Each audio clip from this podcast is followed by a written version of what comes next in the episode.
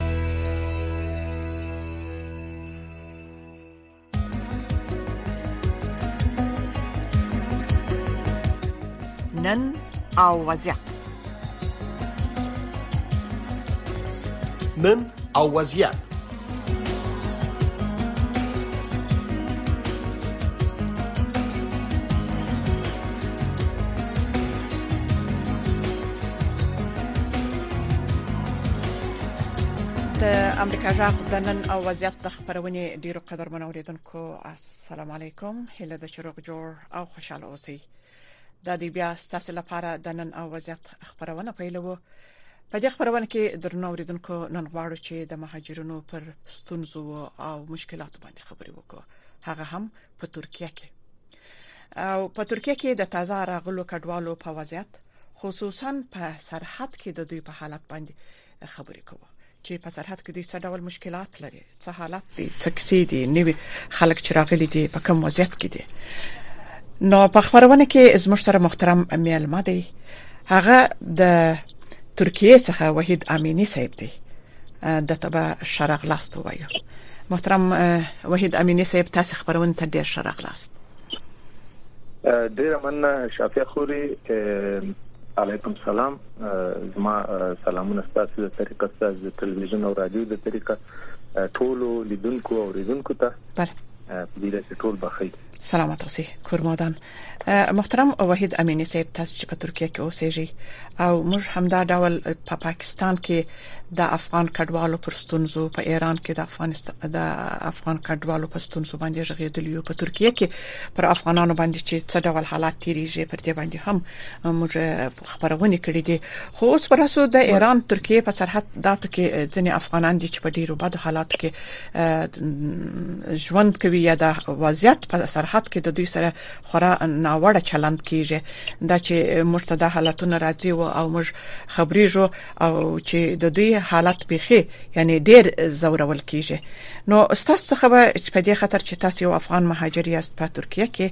کراتویس چې په ترکیه کې د تازه راغلو کډوالو وضعیت خصوصا په سرحد کې په اوسنی حالت کې په څه ډول دی مهرباني وکړئ ډیره مننه شافع خوري دا خو وسانه خبره نه ده او تازه نوې خبره هم نه ده چې دغه ماجر زورول کیږي دا خصوصا د افغانستان د حالاتو نزدې سرچینه شروع کېږي، سرچینه پیل کېږي. په تېرو شلو کلونو کې ځینو افغانان ځوانانو چې را زلمي شولو لکه زه چې د یو ډول جمهوریت او د ازادۍ د بیان او همدغسې د یو دسې ماحول چې نړۍ سره د سیال کېدو په تمه او په تلاش کې وو، درسونه وویل، تعلیم یې وکړ او غوښتل یې چې نړۍ سره ځان سیال کړي. نو اوس چې هغلته یو نظام د طالبانو راغلی دی،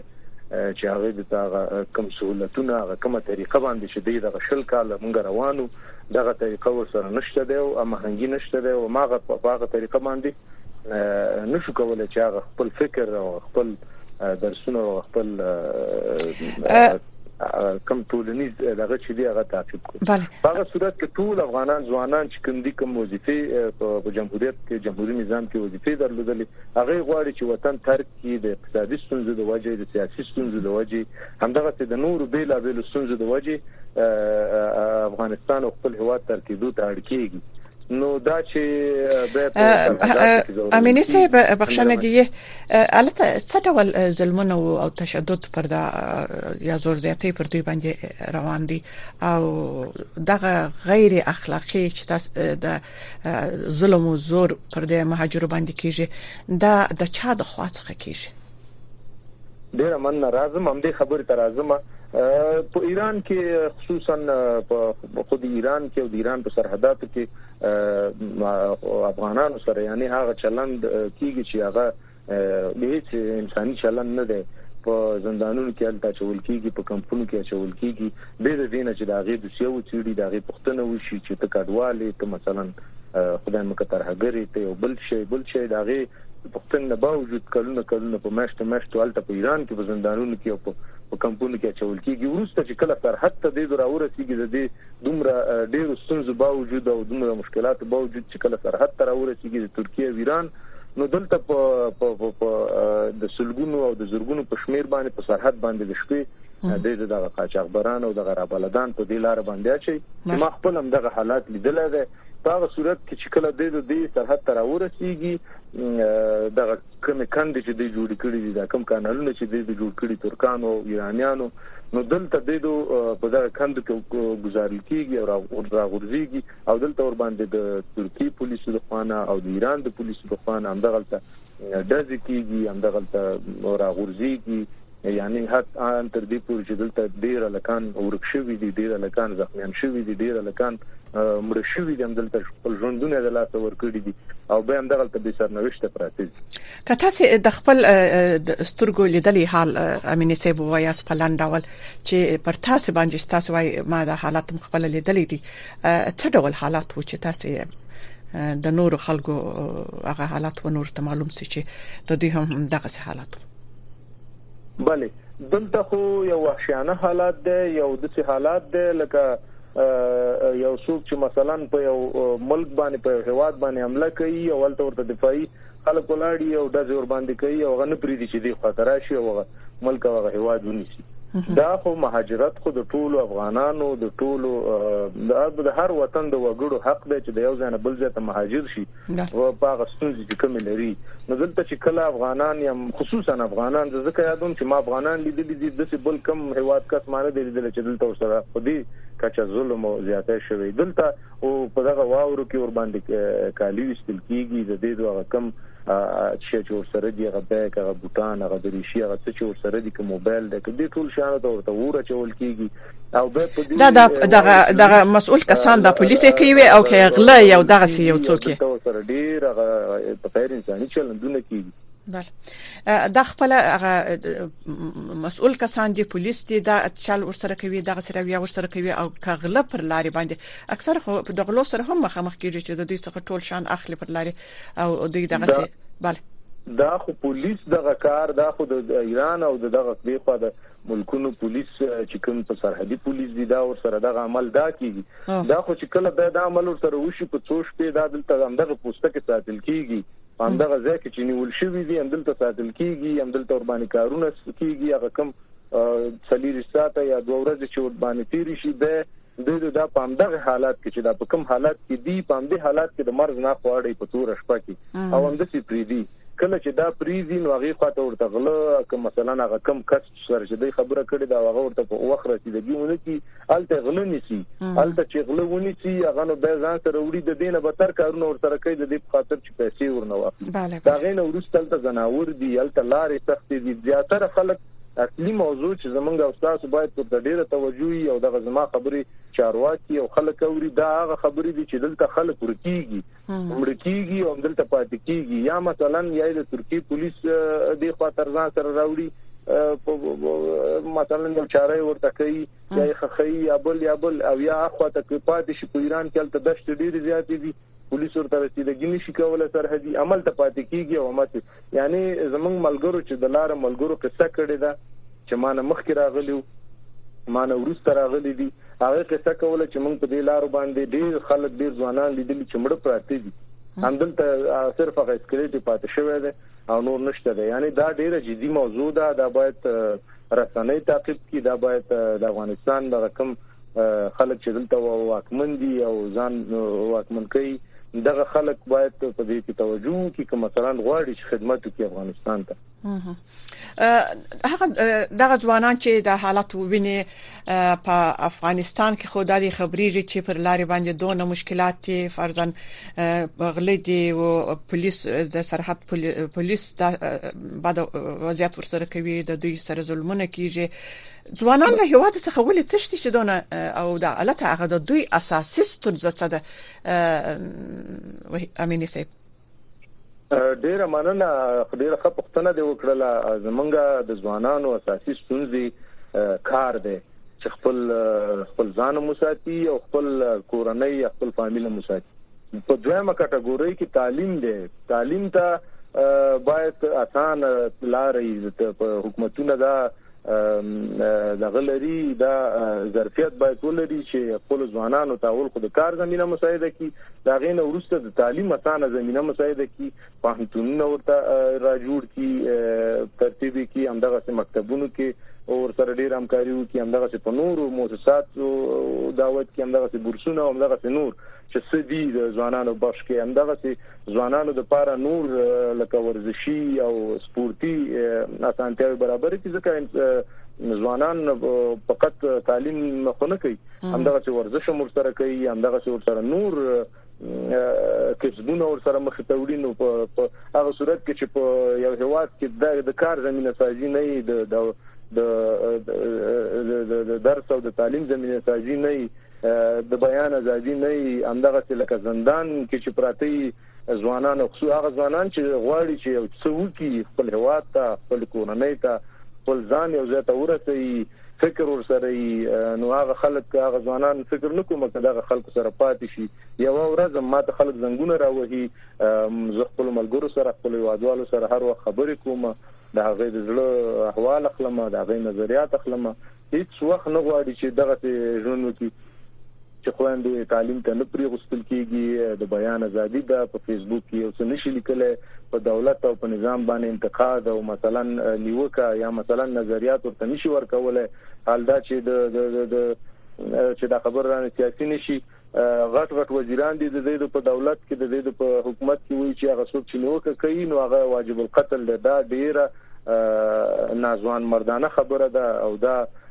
نه پوهیږم چې زمونږ آینده به څنګه شي بله دا خو ستاسو رښتیا هم د په وطن کې مشکلات دي چې ځوانان انجینې او اکثره خلک چې بیکاره دي دا لري واقعا د دې چې دوی دون یو لوی ریسک اخلي او دغه مشکلات پر ځان باندې مني بیا هم پردي وطنو ته دوی تښتي تاسو په ترکیه کې تاسو د حکومتونو ته خو څه پکار دي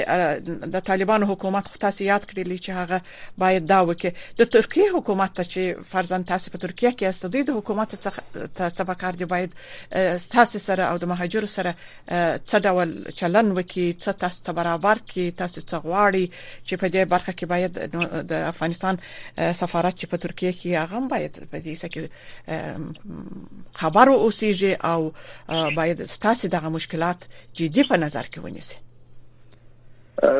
مننه شفیع خور دا خو مجبوریت خو د هر یو مجبوریت په اساس باندې دغه مهاجرتونه رامنځته کیږي معلومدار هیڅوک د خپل یعنی په خپل فخه یا د مثلا د چکر د پاره دغه ریسکونه په ځان باندې نه اخلي راځم تاسو دغه بلې پښتنې ته چې د ترکیه دولت ګوره د ترکیې دولت خو ډیر فعال او ډیر په هر بخش کې منظم د سي دولت نه دی لکه مثلا د نورو ملکونو غوندي دولت دی نه دی چې توجه نه لري یا مثلا نه پوهیږي په هر بخش کې معلومات لري او خلک لري یا مغه سي ګمارل دي د مهاجرت په بخش کې ډیر فعال او وزارتونه لري وزارت لري همدغه مدیریتونه او ریاستونه لري نورو نړیوالو سره په دغه کې دي په ارتباط کې دي خو په هغه صورت کې زمونږه خبرې د ترکیه دولت سره یو یو نتیجه ورکړي چې دلته یو بنسټ موجودي دلته یو سیاسي هغه پالیسی موجودي یو ګوند یا مثلا یو بنسټ یا یو دغه یو ګوند موجودي چې زمونږ غږ الته تاثیر واچي د دې په دولت کې اوس که مثلا طالبان دي که دلته کومه ټولنه ده نو فکر نه کوم چې د ټولنې یې دلته د مهاجرت په بخش کې کارو کې یو ټولنه ده هغه هم زی فعالیتونه تعقیبو مده چې کوم خاص شي نه دي کړی هغه د ترکیه دولت سره په هماهنګۍ لګیا نو دلته په کار دا ده چې د افغانانو یوه ټولنه، یو بنسټ، یو نوم، یو ځای، یو پته دلته باعثي په ترکیه کې چې د افغانانو هغه مهم حالات چې دلته وګوره په دغه تیر میاش کې شافیا خوري ماته سل زنګون نه زیات راغلي دي زه د تاسو تاسوونه او مثلا که غواړي چې تاسو سره هغه اسناد شریک ما ماته ویل شوی دي چې زما ورور یو میاش مخکې روان شوی دی اوس ورک دی زما ورور سم میاشتې مخکې روان شوی اوس ورک دی زما ورور پلاني ځي کې پلاني ځي کې ارتباط قطع شوی دغه د یو میاشو شول نشته دا خلک ولی ورکیږي دا خلک ځکه ورکیږي چې د دې پښتنه څوک نه کوي که د ترکی دولت مثلا د گیر کې زندان ته شي او د زندان ته شي چې به 15 میاشتې شپږ میاشتې ټلیفون نه لري چې خپل کورنۍ سره ارتباط ونیسي دا ډیره غټه ستونزه ده د ته باید د پای ټکی کې غوښتل شي باید مهم چارواکي په جریان کې شي بله په دې څه کې د نړۍ نور هیوادونه څه اقدامات کولای شي یعنی ستاسو په نظر چې دغه موضوعات و دوی ته مطرح شي او دوی باید مداخله وکړي ستاسو په نظر څنګه نو مداخله خو سازمان ملل دلته ډیر یو غټ غټه موسسه ده یو غټه اداره ده سازمان ملل د مهاجرت په بخش کې د یونیسیار د اندغه سی یونیسیار چې ده نو دغه دغه ځانو کې مثلا په سازمان ملل کې چې کوم زمونږ نماینده ده هغه دغه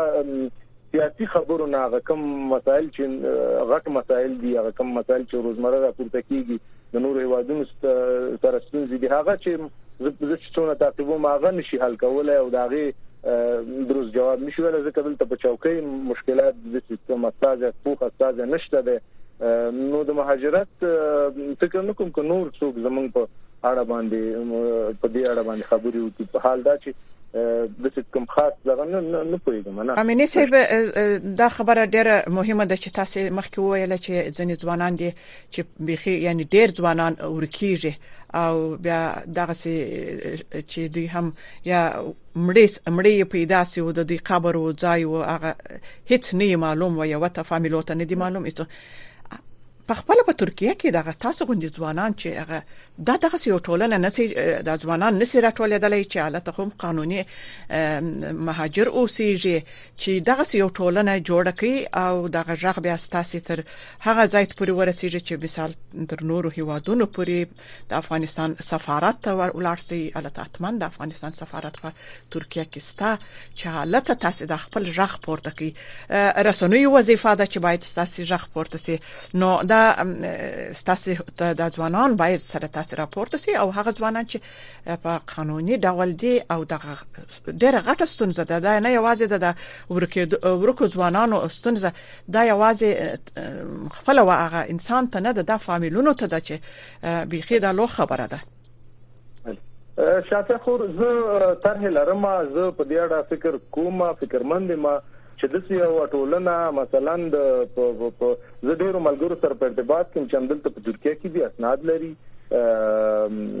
ځوانان دي تکړه دي تحصیل یافته دي همدلته پانتونونه وي همدغلته درسونه تعقیبوي خو ځینی وخت په دغه مسایلو کې ځکه ځوانان ګوتې نه وهي یا مثلا په دې اړه باندې کار نه کوي چې دلته ډیر مشکلات دي شافیا خور تاسو ته معلومات دي دلته سیاسي مشکلات دي کومنګ او تاسو دلته یو ټولنه جوړه کو نو زمونږ سپورټر باندې زمونږ د یو قوي ملاتړ باندې مونږ بدلته صحیح ده اما هنګ به شو کوم به زمونږ کارونه به مخ ته نه ځي هغه څنګه چې موږ غواړو ځکه دلته مداخلي دي د زیاترو شبکو یا د زیاترو خلکو چې اوس په افغانستان کې ولې دا سلسله به نو تر کومه پورې روانه یې بله ټولنه جوړه شي نو زه کوشش کوم زه طرح لرم خو سپورټر نشته دی او زموږ ملاتړ نشته دی چې قوي ملاتړ باید ولرو هغه ځوانان یا هغه خلک چې امینی سي په ترکیه کې یا په نورو هیوادونو کې ژوند کوي او په ناقانونه یا مثال په بې قانونه یا قانون ني اسناد نه لري دوی خپل آینده څنګه ویني لکه تاسو غوندي ځوانان چې یاست آینده و څنګه تاسو ویني چې نو وطن حالته مشکلات دي او هم په نورو ملکو یعنی شافع خور زه دام درته ویل شم چې زما غوندي ځوانان چې زور سره پاړی کې موضوع ته خبره ما په ډیپریشن باندې اخته شوی دي زه خپل هم هم دغه سي د ډیر فکر د وجنه او د دې په وجنه چې زما آینده بسنګ شي زما برخلیک بسنګ شي زما درسونه بسنګ شي زما غارزوګان او امیدونه چې ما لرل د خپل ځان لپاره د خپل فامیل لپاره د خپل هواد لپاره هغه بسنګ شي نو ژوند روان دی خو به هم همت د لاس نه ورکو خپل همت کوو په ځان باور لرو اتمن به خپل ځان لپاره یو څه کوو دلته ستونزه هم دغه ده کله چې د افغانستان د خلکو د افغانانو غږ یو شو او قوي شو دا صورت کې به ټول ستونزې حل کیږي دا ډېر وړي ستونزې دي دا دونه غټې ستونزې نه دي کله چې یو دفتر جوړ شو یو غږ شو او دلته خلک چې د فساد نه پاک دي هغه خلک چې خصو افغانان دي سوچا افغانان دي غواړي چې افغانستان ته کار وکړي هغه خلکو یو ټوله یو یو څو کسیزه ډله را منسجم شي او فکرونه یو شي دا ډېری وړي ستونزې دي چې موږ د دولتونو سره ډېر په اسانۍ سره حل کولای شو او خپل برخلیک هم ټاکلی شو دا په هغه صورت کې کیږي چې موږ یو ځای شو زمونږ غږ څوک واوري زمونږ غږ چارواکي واوري او موږ سره خبرې وکړي زمونږ پوښتنه وکړي زمونږ ستونزې واوري او ستونزې ته اتمن د لارې حل پیدا کیږي د ستونزه نشته چې د لارې حل ورته پیدا نشي نو زما په چارواکو او مهمو خلکو چې په تیر جمهوریت کې غټه غټه چوکۍ درلودلې بودیجه ځان سره راوېستلې اوس باید هغه راوتلي افغانان ولته په افغانستان کې میشت افغانان ځوانان خصوصا هغه کډرونه باید هغه منسجم کی او هغه دنه باید استفاده وشي هم د افغانستان په خیر ده دا خبره هم د ځوانانو په خیر ده هم د ټول نړۍ په خیر ده نو خبره واقعا دا رښتیا هم چې تاسو د حکومتونو څخه خصوصا د طالبانو د حکومت څخه تاسو څه غواړي البته چې تاسو سره څه وسیل مخکې تاسو مو ویل د چارواکو څخه د غوښتنه وکړه چې باید زموږ سره دا ډول چلند وسی او د دې مساسي مشکلات په نظر کې ونیسي خو مسافه خو دغه په افغانستان کې چې دغه کم نظام د طالبانو چې راغلي دي دا ټول خلکو ته اوس معلومات ده معلومات شوه ده چې دا په کوم ډول راغلي دي د دې د ظرفیت او د دې د هغه کم کم په هغه چې دا هغه هغه سطح ته نه درسیدلی چې د نورو هېوادونو سره د خپلو اتباعو د د د ستونزو په مشکلاتو باندې خبرې وکړي یا مثلا هغه ته د پای ټکی کې د ځکه هغه ظرفیت نشته دی هغه هغه خلک نشته دی چې دلته خبرې وکړي دلته خبرې ترجمه کړي دلته هغه سیاسي پالیسی جوړه کړي دلته هغه سیاسي لیدلوری د دې معلومي او هم ترکانو ته ترکی دولت خو دسی ورکوټه دولت نه دی دلته ټول نړۍ سره ترکیه ارتباط کې دا تقریبا ناتو ته نږدې شوی چې ناتو سره غړیتوب ترلاسه کړي نو په هغه صورت کې زه د طالبانو څخه یوازې نه غوښتنه زما دا ده چې په افغانستان کې حالات را جوړ کړي همسایه ملکونو سره حالات خپل ارتباطات را جوړ کړي پاکستان سره ارتباطات جوړ کړي د دې په ځای چې خراب شي باید ایران سره ارتباط جوړ کړي همدغه ترکیه سره دا په کومه صورت کې جوړیږي په هغه صورت کې جوړیږي چې نړۍ سره ځان یو کی دا خو د نړۍ نه بیلیږي دا د جنکو مکتبونه باید خلاص کی دغه نور د بیان ازادي دغه رسنۍ ازادي دا ټول باید اما هنګ شي په هغه صورت کې کیږي چې دغه کډرونه د زمونږ چراوتلې دي دی د بمور سره همکاري وکړي د دې د بمور سره زړه یو شي اوس په زما زب زب په دې باندې پوهیږم چې په د جمهوریت د وخت هم کارمندان په اداراتو کې چې کار کوي هغه ته اوس هم د د ټامی په نظر کتل کیږي او د د د د یعنی د یو سپک نظر یو کرکجن نظر ورته کیږي چې خبرېږم او مجبوریت د څوک بله بله دا واقعا د یو ځوان روشن فکر یو مهاجر ژغ چې په دې ډول واقعا دردمن دي د ډېر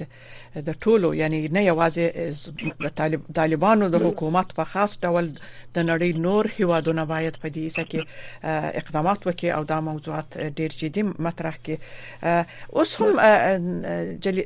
محترم امینی صاحب و اروپאيي ملکونو ته د ترکیه څخه خلک روان دي مهاجر روان دي و نور ملکو ته بله بله دا خو شاته خور دا هغه خلک چې مثلا ډیر پیسې ولري او په ډیرو پیسو باندې دلته خو هر رقم خلک شته دي هر رقم قاچاقبران شته دي نو دا د کشتیو په لارو باندې او مثلا په نورو نورو لارو باندې په خاطرګه باندې چې ډېری پیسې ورته ورکې دا رسول کیږي اروپا ته رسول کیږي خو اروپا کې چې تر څو پورې دا غي ژوند برابرېږي پنځه شپږ کال ضرورت دی چې هغه ته هغه ژبه زده کی او دا غي هغه ترتیب باندې پوي شي هغه بیل مسله ده دلته په ترکیه کې چې کوم حالات دی هغه د مهاجرانو نه دی هغه د انسانانو نه دی مهاجر دغه نه مهاجرت د هر انسان حق دی چې د یو هیواد نه بل هیواد ته لاړ شي خو دلته چې په ترکیه او په ایران کې چې کوم ظلم افغانانو سره روان دی دا هیڅ د منلو نه دی دا هیڅ د زغملو نه دی دا زمونږ افغانان چې چوب دي یوازې علت دا دی چې لاسرسی نه لري چې غږ خپل پورته کړي نه پوهیږي چې په کوم ډول غږ خپل غږ پورته کړي مجبور دي غریب دي زیاتره ډاریږي چې مثلا که زه غږ پورته کوم نو مشکل به راته جوړ شي زه خپل هم همدا اوس هم زړه کې دا ډار لرم چې زه دغه انتقادونه او دغه مثلا دغه کوم خبرې کوم دا به ماته مشکل جوړي خو دا زما حق دی دا زما ایمانی وجیبه ده چې زه خپل افغان ورور د افغان او خپل هواد لپاره غږ پورته کوم نو دا په ترکیه دولت باندې څنګه څونه زه تنه غږ کوم یا مثلا د درې کسه ما سره نورم غږ کوي دا به فائدې دي په هغه صورت کې چې زمونږ چارواکي زمونږ مهم خلک چې شناخته دي او مطرح دي شته ده ډیر خلک شته ده چې هغه موږ سپو سپورټ نکي هغه زموږ پښتنه ونکي هغه موږ سره خبرې ونکي زموږ مشکلات وانوري او د دې لپاره یو اسانه لار د لارې حل راونه باسي بله او هغه خلک چې په ترکیه کې وخت راغلي دي هغه مهاجر چې وخت راغلي دي او ښه ژوندونه لري دوی هغه ښه کاروبار لري بزنسونه لري تجارت دي خو هغه سره دغه مهاجر چې په فرزند دوی په غیر قانوني ډول دي یا ځینې مشکلات لري د هغو سره دغه یو ټولنه باید جوړ شي دغه غوس تاسو سره څه دغه نه دي کړی چې تاسو ځوانانو سره په دې سکه کومک وکړي زه زمونږ د د تیر دولت د غشل کال چې زما په یادېږي ډیر خلک چې مثلا هغه